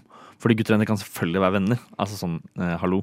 Eh, ellers hadde det vært veldig få eh, folk som hadde veldig få venner i, i verden. Eh, men jeg tror kanskje den der type venner de snakker om, henger mye, snakker sammen om alt, litt sånn forskjellig. Eh, da tror jeg kanskje Bestevenner. Og jeg tror da er liksom det der temaet med om gutter og jenter kan eh, Eller det blir jo mer sånn to parter som er tiltrukket av hverandre. Om de kan være venner eller ikke. Fordi det spørsmålet kommer alltid til å komme opp når man er så nær hverandre. Så jeg vet ikke. Men det er ikke, jeg føler ikke at det er det så mye den filmen her handler om. Det er mer sånn her, det setter veldig opp for handlingen, Mm. men den ender opp med å handle om veldig mye, for, mye annet enn det. Det er vel kanskje litt det den handler om òg, egentlig. Ja, når du tenker det er- ja. Det er vel egentlig hele filmen om vennskapet er verdt mer enn et potensielt forhold. Eller ja, er det ikke litt det den utforsker gjennom hele filmen, da? Ja, men det er også litt sånn De blir jo venner når begge liksom går gjennom samlivsbrudd. Mm. Det det egentlig blir, da, dette vennskapet, er jo en erstatning Mm. for det, og det der med å snakke sammen hver dag og prate sammen og ha en go-to, det er jo en kjæreste, Mm. sånn sett. Ja. Så de er jo kjærester bare uten det fysiske, Mm. på mange måter. På veldig mange måter. De fyller i hvert fall det samme eh, Tomrommet. tomrommet som en partner ville gjort. Og det er kanskje sant. Mm. Men jeg føler um, ja, ja, det er vel egentlig det det er. Så man venter jo også bare på at de skal bli sammen da, gjennom filmen. Eller du, du forventer det jo. Eh, jeg vet ikke om dere hadde sett denne filmen før, men sånn, du antar jo at det er det det skal være. Og jeg føler at eh, filmen er veldig god på at ikke den bygger spenningen på det. Um, mm, fordi da hadde den blitt veldig kjedelig. Mm. Jeg føler det handler om så mye annet. Og så mange andre små ting, og vennene deres, og på en måte nyansene. For hvis jeg bare hadde sittet og sånn Å, jeg lurer på om de kommer til å bli sammen til slutt. Så er det jo på en måte ikke noe annet der. Nei, jeg tror det er en periode i den filmen jeg så den første gang hvor jeg tenkte at de kommer aldri til å bli sammen. Det hadde jeg likt kanskje egentlig bedre. Eh, ja, kanskje. Kanskje hvis den hadde vært laget i 2022, så hadde de ikke blitt sammen. Mm. Men eh, det, det er noe å tenke på. Eh, der hjemme kanskje noen vil lage en remake på norsk. Ja.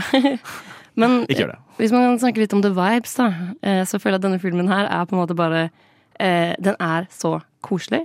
Fordi eh, hvorfor lager de ikke lenger filmer hvor det bare måte er folk som prater, og det er liksom jazz? Ja, helt ærlig. Det er sånn, Ja. For Den minner meg litt om Annie Hall og disse liksom gamle, og Manhattan, altså Woody Allen-filmene. Hvor det bare er folk som prater på restauranter og rundt i byen, og det spilles masse sånn romantisk jazz, og det er New York, liksom. Jeg elsker den sjangeren film. Jeg syns det er så koselig. Og jeg satt og tenkte på det nå, fordi det er lenge siden jeg hadde sett den. Uh, og jeg, når jeg så den igjen nå, så tenkte jeg liksom at det, det skjer jo masse i den filmen. Men det skjer jo egentlig ikke en dritt. Det er jo nesten ingen scener hvor det er noe som skjer. De bare går rundt og prater om ting. Det eneste store som skjer, er på en måte at eh, vennene deres blir gift. Mhm. At de blir sammen og flytter inn hos hverandre. Ja. Det er på en måte, jeg føler eh, Egentlig så er Harry og Sally mer bakgrunnstematikk for andre store hendelser. Og så er det bare sånn, De er liksom den konstante tingen som alltid er der. Og det er alltid et spørsmål om de skal bli sammen eller ikke. Men det som skjer i filmen, er andre ting. Det har med de rundt dem å gjøre. Ja, men, liksom, selv de scenene er jo egentlig bare dialogdrevet. Mm. Altså Hvis du tenker sånn på et manus Det er aldri noe som skjer. Altså Det er aldri en hendelse som Eller sånn, altså Jo, de ligger sammen, eller, men altså, alle scener er egentlig bare folk som sitter et eller annet sted og prater. Mm. Eh, så den er jo ultradialogdrevet. Eh, men likevel syns jeg de, den er liksom spennende. Så det er jo veldig bra manusarbeid for at jeg skal gidde å bry meg om disse samtalene. Og en ting som er litt interessant er at de aldri bedrar hverandre på noen måte. Som jeg føler sånne filmer som regel setter i gang eh, en sånn eh, eh, form for ikke, Kanskje ikke dannelse, men en form for hendelse og sånn der eh, kan, Videreføring av historien skjer ofte med at et eller annet, et eller annet spesifikt skjer. Som at de f.eks. bedrar hverandre, som da setter i gang masse tenking og, og masse hendelser. Men det skjer egentlig ikke i denne filmen. Det er, vel ikke, det er vel ingenting mot hverandre de gjør som gjør at, de, at filmen beveger seg videre. Altså tenker du et svik eller Ja, liksom, det, er ikke noe, det er ikke noe sånt. Det er liksom bare ja. Etter de ligger sammen, så er det jo litt det, på en måte. Ja, ja Men- litt sånn skuffelse, skuffelse, kanskje. Ja. ja. Usikkerhet. Det handler jo også mye om å bli voksne, da. For det er jo et vennskap av hva, tolv år? Eller ti år? Tolv år. Tolv år. Så da, man ser dem jo bli eldre og eldre og utvikle seg, da. Altså, eh, Harry er jo den verste fyren ever i første scenen i Ja, den bilen. helt jævlig. Han er Ja. helt grusom karakter. Og så får man jo se han bli mer og mer voksen, og får skjegg. Og bli litt mer Ja, og så tar han bort skjegget igjen. Det syns jeg var dårlig. Ja, enig. Han var mye bedre med skjegg. Ja. Men skjegget er jo et, når han er i skilsmissen, vet du. Det er Ja. jo når han er, er på sitt mest steppa. Så Da er han også på sitt beste. Ja, egentlig. Ja, men det er da han er ja. finest i filmen, syns jeg. Melankolsk. Mm. Som er en veldig sånn høststemning. Melankoli. Ja. Mm. Men hadde dere sett filmen før? Ja, mange år siden. Og jeg så den ish samtidig som jeg så You Got Mail, så jeg blander de to Ja. veldig mye. Det er som Meg Ryan og Ja. New York og Mm, samme vibe. Samme viben, rett og slett. Men eh, ja, nei Hva skal man si om den her, da? Jeg Den treffer meg ikke. Gjør den ikke det? Den treffer meg ikke. Ikke det hele tatt? Nei, jo, kjærlighetserklæringen. Noe Mm. av det fineste. Egentlig. I- På slutten? På slutten. Mm. Jeg, jeg syns den er i hvert fall veldig fin, men jeg Nei, treffer meg rett og slett ikke. De tolv årene blir for lange. Og det er, det er for mye tidshopp. Og selv etter tolv år så syns jeg at den kjærlighetserklæringen kommer litt ut av det blå. Jeg skjønner hva du mener, men jeg tror eh, Jeg hater jo egentlig tidshopp, men de er så raske i starten. Det er på en måte én scene, tidshopp, én scene, tidshopp, og så er jo på en måte resten av filmen ganske sånn flytende. Og jeg tror det er derfor jeg godtar det, på en måte. Eh, fordi hvis jeg hadde tidshoppet i like stor grad gjennom hele filmen, så blir man jo veldig revet ut. Men jeg føler man får være veldig sammen med dem etter de blir venner. Altså etter ti år. Men, men jeg føler ikke at det er egentlig forholdet deres, eller sånn Will They Want They, som driver denne filmen. Det er hyggen. Ja. Det er jazzen, det er høstbladene, det er New York. Jeg føler at det er liksom estetikken egentlig som driver denne filmen for meg. Ja, og det syns jeg gjør at det er en film jeg liker å se igjen. Mm. Ja, for det, det Will They Want They-greiene er veldig veldig boring. Det blir veldig kjedelig veldig fort, for du har sett det før. Og hvis du ser en film på nytt, så kjenner du det igjen veldig fort, og du vet hva som kommer til å skje. Mens her så er det ikke det som skjer som er viktig, det er mer mm, hvordan det skjer. Terningkast fire. Terningkast fire. Terningkast fire. Terningkast Terningkast fire. Terningkast fire. Og det blir terningkast fire. Birger Vestmo, er det deg? Jeg føler kanskje at um, det som er den mest legendariske scenen i denne filmen, eh, altså When Harry Met Sally, er eh, denne ehm, orgasmescenen. Eller sånn, og det er den som flest forbinder med denne filmen. Ja. Eh, altså en scene hvor eh, de sitter ute og spiser, og så sier Harry at han aldri har opplevd at eh, noen han ligger med, faker en orgasme, for det hadde han jo visst. Og så er Sally sånn eh, Det hadde du ikke visst, liksom. Vi er kjempegode til å fake, på en måte. Og han er sånn nei, nei, nei. Og så begynner hun å fake en orgasme veldig høyt på den restauranten. Jeg skal si at Det er den scenen som trekker denne filmen ned for meg, fra en femmer til en firer. Det er det som trekker den, akkurat den scenen. Hvis, den, hvis filmen ikke hadde vært bra til å begynne så hadde jeg hata filmen. Ja. Det, det hadde Ja. vært en toer for Ja, meg. fordi den scenen passer ikke inn i noe. Den bryter helt med Sallys karakter. Absolutt. Den, den bryter med alt den egentlig har etablert. Den er bare for å ha liksom, trailermat. Skjønner du hva jeg mener? Mm. Og for å gjøre den litt sånn Jeg føler at den bare er der fordi eh, forfatteren har vært sånn Å, så edgy hvis vi putter inn en sånn organ Eller jeg føler at de bare har gjort det for lols, liksom. Men det passer ikke inn i historien. Passer ikke inn i det hele tatt, og jeg synes det er sånn fullstendig imot Sally som karakter. Fullsten- For hun er jo litt ordentlig, og liksom, Ja. at hun skal sitte på en restaurant og skrike, liksom. Det, det gir ikke mening. Jeg Men liker henne, ja. Ja, det er bra. Det er det Hva som er drar det den du, opp for deg. hva er det du liker med den? Nei, for jeg syns Sally er altfor normal, jeg.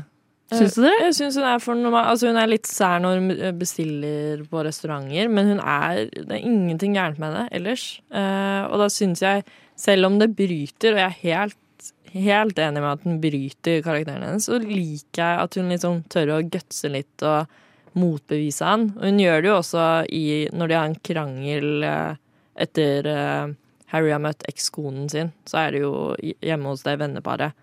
Og da har han jo en krangel hvor han sier liksom at Sally aldri står opp for seg selv, og at ingenting plager henne. Blir aldri henne. sur, ja. Ja, Ja. og da blir hun sur.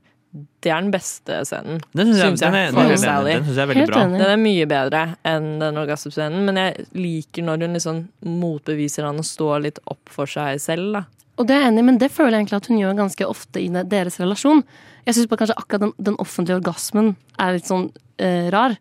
Men jeg føler jo egentlig at hun ganske ofte eh, Jeg føler hun har makten i vennskapet. Det er veldig ofte hun som avviser han, belærer han.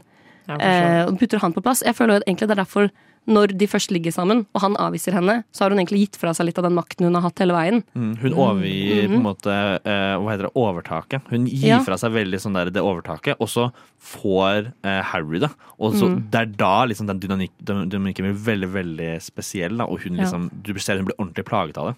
Mm. Så jeg føler egentlig hun eier han litt hele veien. Fordi hun, jeg er en hun er ganske sånn Jeg syns ikke hun er en perfekt karakter. da. Hun er veldig vimsete og litt sånn eh, i sin egen verden og litt idealist. Men hun, Irriterende. hun, ja, og jeg tror mange syns hun er irriterende. Um, akkurat som Harry er. De begge er jo litt irriterende. Her er det veldig irriterende. Absolutt. Ja. Han er en pick me. Ja, Veldig. veldig. Og, men så føler jeg han blir tatt på det, da, som er deilig. Um, men ja, jeg, jeg tror jeg liker egentlig begge de karakterene veldig godt, og jeg heier på de, og jeg liker å se de vokse. Og derfor tror jeg jeg hater den orgasmescene så mye, fordi jeg bare sånn, den her passer ikke inn her. Her er det noen som har gjort noe rart. Men jeg hørte faktisk at det var Meg Ryan sin idé å ha en orgasmescenen. Ja, det kan jeg tro på. At det var hun som ville skrive den inn i manus, liksom. Men hadde, kanskje den hadde vært bedre hvis det hadde vært når de var på vei til New York?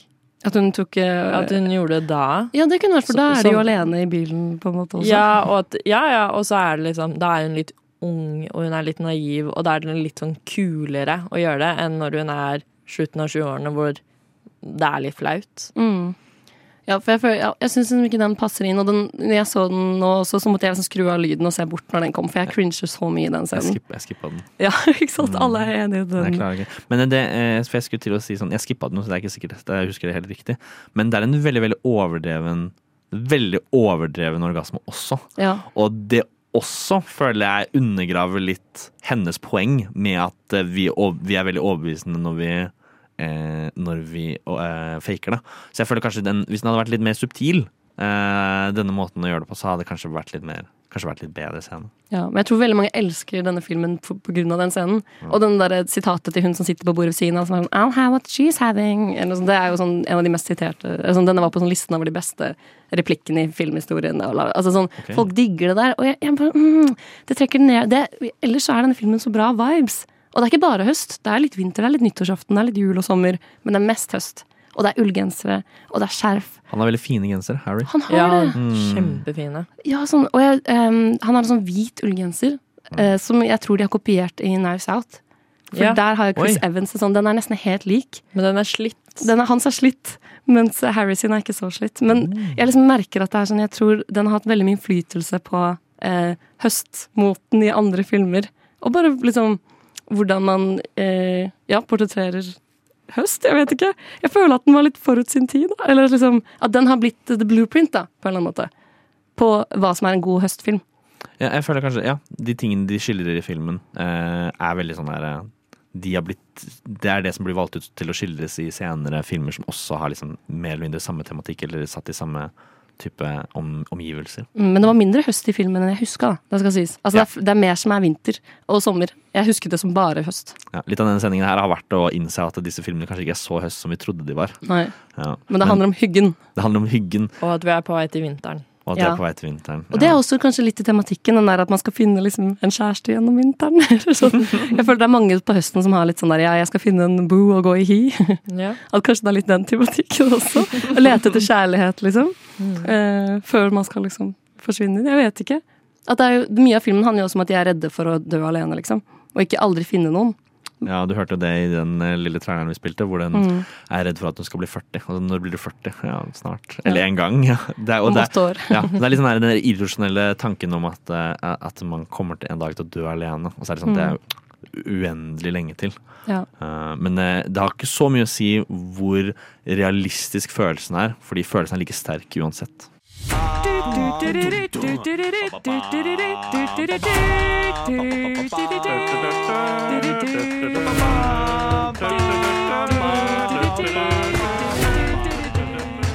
Du hører på Nova Noir.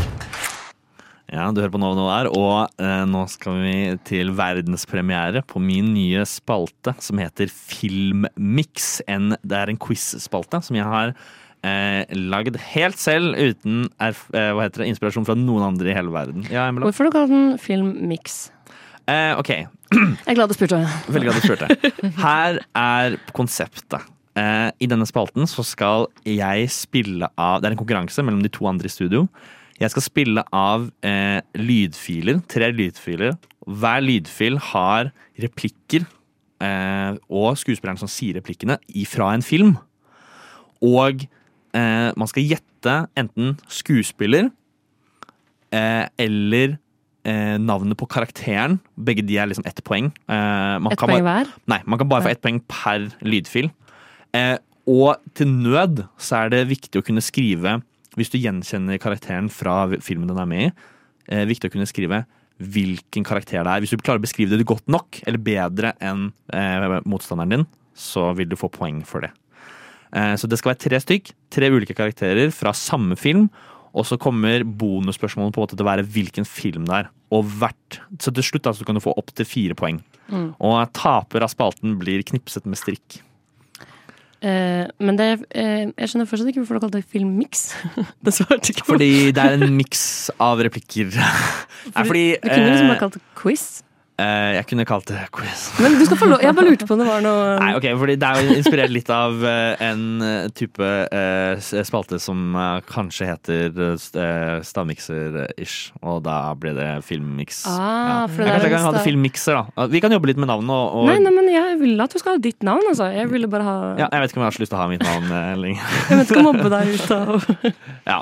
Men eh, jeg skal spille av første Er det noen spørsmål før vi starter? Vi skal skrive ned svarene. Dere må skrive ned svaret, og så kommer vi til å ta en oppsummering på det på slutten. Så dere må skrive ned eh, nå, og så eh, av den lyden dere hører, så skal dere skrive ned Ja. hva dere tror. Og så går vi til neste lydfil, så skal dere skrive ned hva dere tror, og så til slutt så skal Blir vi det, blir en liten pause mellom hver lydfil? eh, Dere skal få lov til å eh, Det blir en liten pause, ja. Ja. Men det er viktig at dere det, vi, vi lager jo radio her, så det er viktig Ja. at dere prater litt mens dere tenker. Litt sånn sånn I hvert fall lag litt sånn undrende lyder. OK. Ok. Så Vi tenk- prøver. Jeg er klar. tenkte jeg vi kan prøve å høre første lyden nå. Gli amici della vedetta ammirata da tutti noi questa gemma propria della nostra cultura saranno naturalmente accolti sotto la mia protezione per la durata del loro soggiorno. Hva? Ja. Jeg kan uh, eh, Skal vi se. Nå Embla skriver litt. Ja, hun ser veldig tenkende ut i rommet. Jeg skrev bare et spørsmål selv. Ja. Ikke avslør noe for for ja, Nei, nei, det kan hende det er en strategi. Uh, men dette var jo en spennende, spennende valg, da, Johannes. Ja. Eh, og du er sikker på at vi har sett Jeg er en milliard prosent sikker på at dere har begge sett denne filmen. Men eh, jeg har jo valgt på en måte replikkene for å være litt smart. Eh, Jeg skulle ønske vi fikk kunne få høre den en gang til. eh, kan vi spille den en gang til? Vår tekniker. Eh, vi. Gli amici della vedetta ammirata da tutti noi questa gemma propria della nostra cultura saranno naturalmente accolti sotto la mia protezione per la durata del loro soggiorno. Nå ser jeg at jeg ikke burde spilt den en gang til. For jeg lurer på om dere kanskje skjønte det. Men eh, vi kan gå rett til eh, neste lydklipp. Je me suis retrouvé dans le clocher d'une ville fortifiée. Moi tout seul et un millier de munitions dans un perchoir. Face à 300 soldats ennemis. Wow, for en flerspråklig sending vi har i dag. Ja, Mye- den der skjønner jeg jo ikke igjen.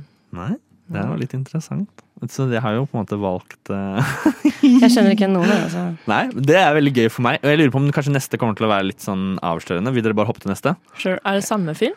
Alt, Alt er samme film. Så det, jeg håper jo at den siste kommer til å gjøre at jeg skjønner de to første. Da. Det er det jeg er litt redd for. Uh, eller glad for. Det kommer litt an på. Mm. Uh, men kanskje vi kan bare spille av siste fil, da. Jump out of a fucking aeroplane to teach the Nazis lessons in humanity. Nazi ain't got no humanity. Hmm, interessant. Nå lurer jeg kanskje på om dere har skjønt hvilken film det er. Jeg skjønte hvilken film det var på første. Oi! Interessant. Men- Det gjør det ikke. Mm, Det gjør ikke Embla. Så eh, trenger dere litt tid til, til å betenke dere. Ja, men jeg tror ikke jeg kommer til å klare de to første uansett. Nei, men jeg godkjenner eh, eh, som sagt karakternavn i filmen. Skuespiller på andreplass. Jeg føler karakternavn er mer imponerende. Skuespiller på andreplass. Og eh, en god beskrivelse av hvilken karakter det er, på tredjeplass. Men eh, kanskje vi bare skal gå rett til besvarelsene. Eh, Embla, hvem er det du har på første lydfil? Der har jeg skrevet Jeg tror det er italiensk. Det er definitivt italiensk. Ja. så du har ingen ingen Jeg har eh, ingen navn, ingen skuespiller. For jeg vet hvilken film det er nå. Kan jeg få si hvilken det er? Eller er det liksom Ok, Jeg vet hvilken film det er, men jeg, kommer, jeg klarer fortsatt ikke å plassere de to første. Nei, okay, men jeg har også ikke sett denne filmen på fire år. Nei. Og da føler jeg det er veldig vanskelig. Det kan godt hende at det er veldig vanskelig. Men den siste tror jeg jeg har. Men jeg skal trenger ikke å si Men vi det. må gå til Hedda først. Ja. først Ja, eh, jeg husker jo ikke hva karakteren heter, men det er jo han Natsin. eh, skrevet av Nei, spilt av Christopher Waltz. Oi, Er det oi, oi, det er helt riktig. Men alle er jo nazister i denne filmen. Ja, Ja, men, men det han er han, spilt av Christopher Waltz, hovednazisten. Jeg hadde godkjent også The Jew Hunter, som er liksom sånn eh, kallenavnet man har i filmen. Ja. Ja, men da kan vi gå til eh, så, så langt er det 1-0. Eh, skal vi gå til nummer to, Embla? Ja, da um, tror jeg det var um, fransk. Det er fransk er Ja. riktig språk. Tusen takk. tusen takk Eh, Halvt poeng til meg der. Og så Eh, Ok, men da kjører jeg gjettestrategien, jeg. Ja. Ehm, var det en mann eller noe som snakket? Det var en mann. En mann. Ok, da gjetter jeg, da gjetter jeg bare en nazist. Eh, ja, det, OK, greit. Halvt poeng til meg der òg. Da er jeg på ett poeng. Jeg noterer det. Hedda. Å nei, da vet jeg ikke. Jeg skrev Dominic eh, For det, var, det er en som heter Dominic i den filmen. Ja. Men uh, Det var en runde med null poeng. Hei, men jeg fikk jo et halvt poeng for nazist. poeng for nazist. Det får du ikke. Det er ikke godt nok beskrevet. Ja. Fransk nazist, sa jeg, som egentlig er to stikkord Han er ikke fransk, og det er derfor jeg valgte okay, den karakteren. Fransk. Fordi at han snakker fransk i filmen. Det er eh, Daniel Brohl som, Ah. og sin, han, hans uh, tyske uh, soldatkarakter, som er liksom sånn, sånn krigshelt. Mm. Ja. Og se, da kan vi gå til Jeg skulle siste. gjette hvem det er, Hæ? Timothy Chalamet. ja, Greit. Vi, uh, dette er en seriøs uh, redaksjon. Eh, vi kan gå til siste. Den tror jeg begge klarte. Å ja. Eh, ja. Eh, jeg har skrevet um, Brad Pitt. Ja, Vet du hva karakteren heter? Jeg husker ikke hva han heter. Okay. Nei, jeg skrev også Brad Pitt. Ja, Brad Pitt. Da er det 1-1 eh, i denne runden. Og så langt så er det 2-1 til Hedda, og da er jo siste spørsmål Hvilken film er dette? Vi kan si det kor, kanskje. Én, to, tre. Inglourious Bastards! Og Hedda er første vinner av denne sesongens og verdenspremieren på eh, eh, filmmikser Mix Ja, jeg jobber med navnet. Veldig imponerende at du klarte første. Taper blir eh, eh, eh, Hva kalles det? Eh, Jeg vet ikke hvor du skyte, skal. skyte med strikk i neste stikk. Nei, og jeg, men eh, du gjorde det vanskelig. Jeg, jeg gjorde det vanskelig, og det var på en måte litt av poenget. Ellers Ja. er det ikke noe gøy. Eh, men eh, kudos. Det var spennende. Det var Ja, det var Ja, jeg lurer på om lytterne fikk det til. Sikkert ikke. ikke Eh, ja, jeg glemte å si det, men dere må også være med dere der hjemme. Eh, De var sikkert det. De var helt sikkert det. Altså, man, er jo, eh, ikke, man er jo med selv om man ikke tenker så særlig mye om det. Ja. Men jeg tenker vi skal eh, komme oss litt videre, og så skal vi rate eh, disse filmene vi har sett i dag, på en eh, høstbladskala. Og til slutt finne den ultimate høstfilmen. Du lytter til Nova når. Ok, Nå skal vi veldig kjapt før vi blir kastet ut av studio her, rate eh, de forskjellige filmene på en skala fra én til ti eh, høstblader. Eh, vi kan begynne med den første filmen vi så. 'Mikkel Rev', var det vel? Ja. Ja, Hedda. Fantastic Mr. Fox. Fantastic Mr. Fox. Eh, Hedda, hvor mange høstblader rater du den? Jeg, jeg rater den åtte av ti eh, høstblader. Eh, hvis det er den skalaen vi går på. Det er den skalaen vi går på. Embla. Eh, jeg rater den også åtte av ti høstblader. Trekk for to høstblader fordi den ikke er så høstete på slutten. Ja, jeg skulle til å si akkurat det samme. At, eh, jeg føler, nå skal ikke jeg si åtte av ti, for det er det dere har gjort allerede, men jeg sier syv og en halv av ti. Oi. Eh, og dette er ikke fordi at jeg liker den syv og en halv, men at sånn, i høstperspektiv så er det en utrolig god høstfilm. Mm. Men akkurat sånn som du sier, mot slutten så faller høsten litt av. Ja. Og den, Eh, den ligger på Disney pluss. Den ligger på Disney Plus. Så den er veldig tilgjengelig hvis man har Disney pluss. Ja, jeg har ikke Disney Plus. Så ikke tilgjengelig for deg. Jeg så den eh, på DVD. Uh, da neste film er Dead Poet Society. Hedda, skal fra 1 til 10 høstblader. Ni. Jeg skulle også si ni. Ok, Men da sier jeg åtte. For Jeg det er litt for mye vinter. Ja, litt for mye vinter. Jeg sier ti. Oi. Det er min favorittfilm av de vi har sett i dag. Altså, Ja, men Det handler er ikke om hvor mye du liker den, det handler om hvor høstete den er. Men jeg får så syk høststemning av den. Ok, Så da er den ti av ti høstblader, da. Den er ti av ti høstblader. Okay. Uh, siste film, Harry Met Sally. Hedda. Seks. Oh. Oh, jeg sier åtte. Jeg sier s- Jeg er seks og en halv. Ja. Jeg føler sånn høsten faller litt eh, gjennom på denne, denne filmen. Men det som er høst, er så innmari høst. Ja, kanskje. At det bærer, liksom. Det er så mye blader. og- Så jeg føler den er høstete nok. Den er absolutt høstete nok Ja. Og til den å ligger- kvalifisere seg til denne sendingen. Uh, Den ligger på TV2 Play. Oi, Apropos filmer som, på som fins. Uh, Men hvor kan man se Dead Poets? Uh, Disney pluss. Der òg, ikke sant? Wow, ikke Så på Netflix i. Dette er veldig tilgjengelige filmer som alle burde se nå, for Mm. å liksom lade opp til sesongen. Se de nå. Eh, Og Twilight. og Den er også ti Ja. av ti høstblader. Ja, nei, vi snakker Og vi på Netflix. Twilight ja. kommer vi sikkert tilbake til en annen dag. Eh, nå skal vi Det kan du banne på. Nå skal vi pent eh, si farvel, og så eh, etter oss så kommer Uh, Jeg er ikke helt sikker faktisk på hva som kommer. Det er Snakker ikke norsk. Og da kan vi kanskje si uh, tusen takk til Hedda, som var på sin første sending. Det var Ja, veldig hyggelig å ha deg her. Var det gøy? Tusen. Ja. Så bra. Kjempebra. Ja. Eh, sjekk ut eh, Nova sine nettsider. Eh, les alle nettsakene våre. Embla, du er jo aktuell med nettsaker. Hele tiden. Veldig, veldig bra. Ja. Eh, vi er tilbake neste uke. Ha det bra! Takk for oss. Ha det.